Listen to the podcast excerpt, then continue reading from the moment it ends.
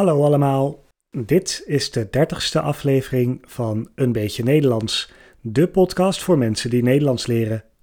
Mijn naam is Robin en de aflevering van vandaag gaat over de stikstofcrisis. De tekst van deze aflevering kan je meelezen op de website van de podcast www.eenbeetjenederlands.nl. Deze podcast wordt gesteund door de vrienden van de podcast. Heel erg bedankt aan alle donateurs die de afgelopen tijd hebben bijgedragen. Wil jij ook vriend van de podcast worden? In de show notes kan je een link vinden met meer informatie. Nu, door met de podcast.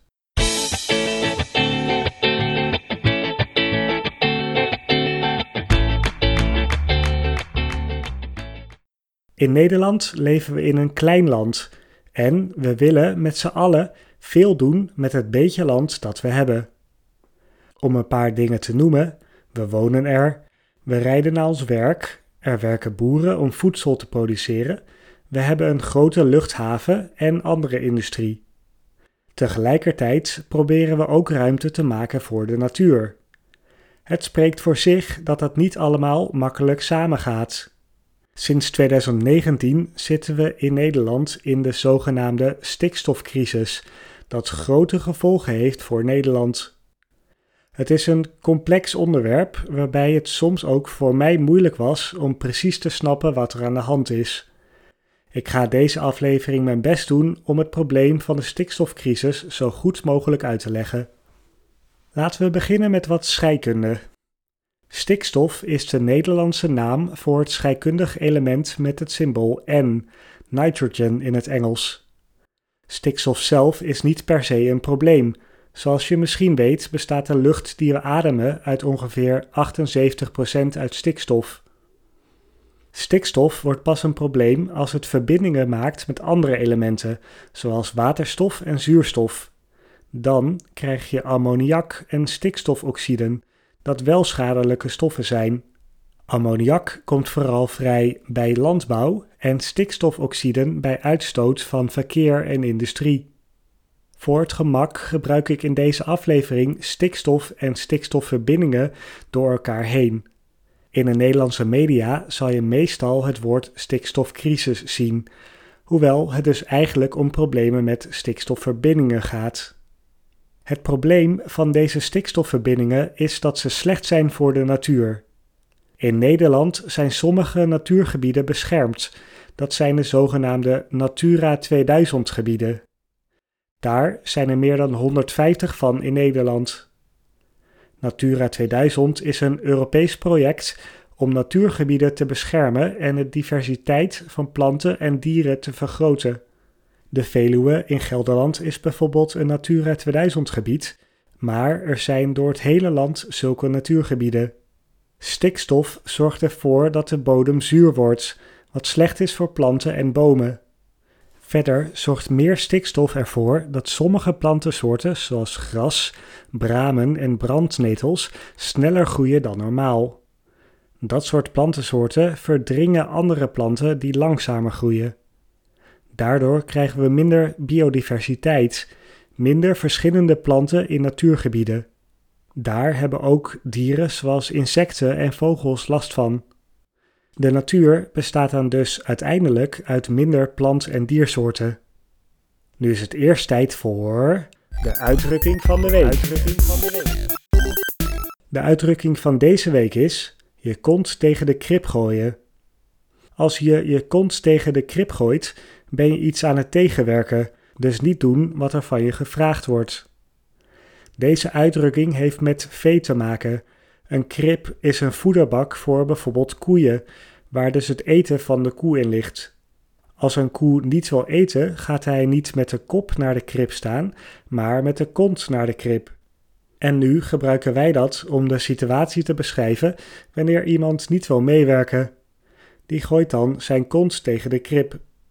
Terug naar de stikstofcrisis. Nederland is in Europa de grootste uitstoter van stikstof. En niet een beetje meer, maar vier keer zoveel dan gemiddeld in Europa.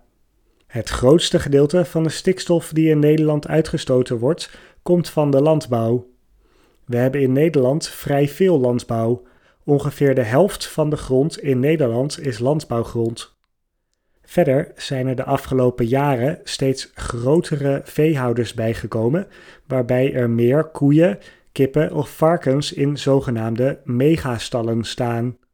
Bij bedrijven waar vee, zoals koeien en varkens staan, komt veel stikstof vrij. Als de poep en urine van koeien of varkens bij elkaar opgevangen wordt, vormt de stikstofverbinding ammoniak. In Nederland hebben we heel veel vee op een klein oppervlakte en ook nog vaak in de buurt van natuurgebieden.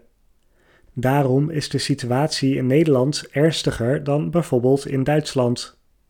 In de jaren 90 is Nederland maatregelen gaan nemen om de stikstof te verlagen. Dat heeft ook effect gehad. De hoeveelheid stikstof die in Nederland uitgestoten wordt, is gehalveerd sinds de jaren 90. Maar het is nog niet genoeg en in 2019 gebeurde er iets belangrijks. Voor sommige activiteiten heb je in Nederland een vergunning nodig. Dat is toestemming van de overheid om iets te mogen doen. Als je als bedrijf stikstof uitstoot, heb je daar een vergunning voor nodig. De overheid gaf vergunningen aan boerenbedrijven en bouwbedrijven om een bepaalde hoeveelheid stikstof uit te stoten. Daarbij hield de overheid rekening met verminderingen in de stikstofuitstoot die, volgens de plannen, in de toekomst behaald zouden worden. Je mag dus nu alvast stikstof uitstoten als je in je plannen opneemt dat de uitstoot in de toekomst minder zal zijn. Een milieuorganisatie was het daar niet mee eens en klaagde de overheid aan bij de Raad van State.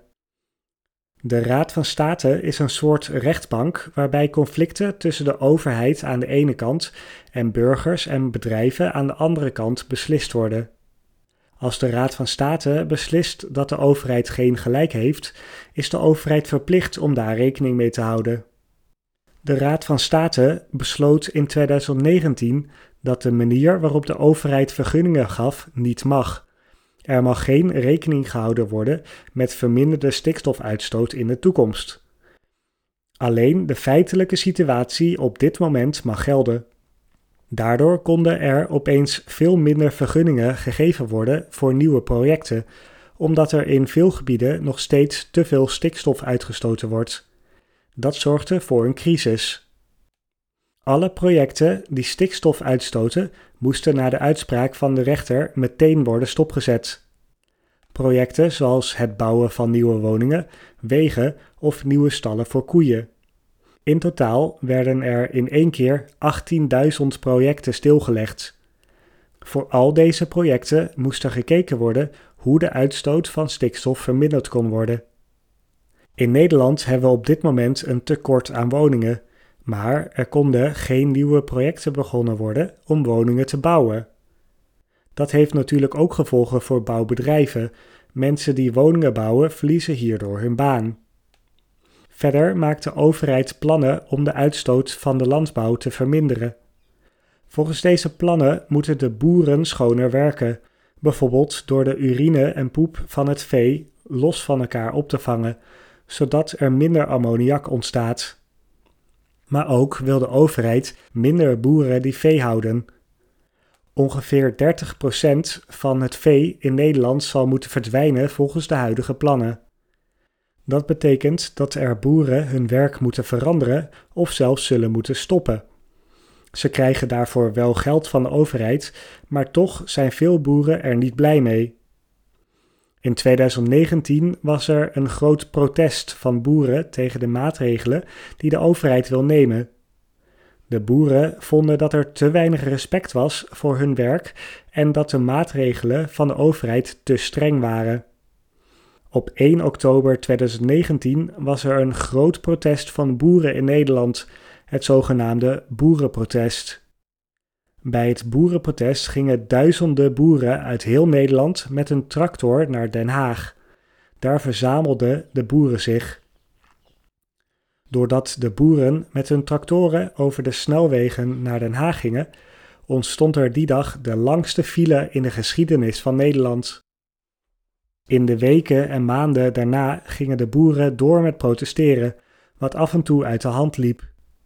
Zo werd er door een aantal boeren geweld gebruikt bij demonstraties en werd er gedemonstreerd bij huizen van sommige politici die met de regelgeving te maken hebben.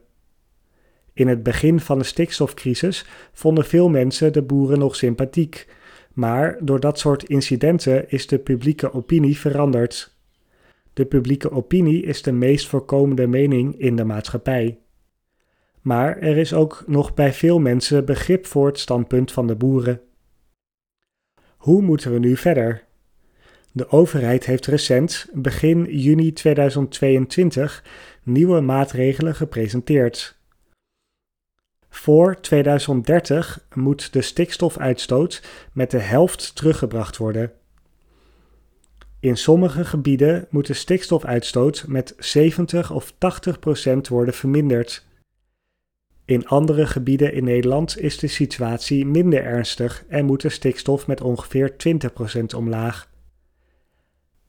Het kan niet anders dat het voor boeren in Nederland een enorme impact gaat hebben.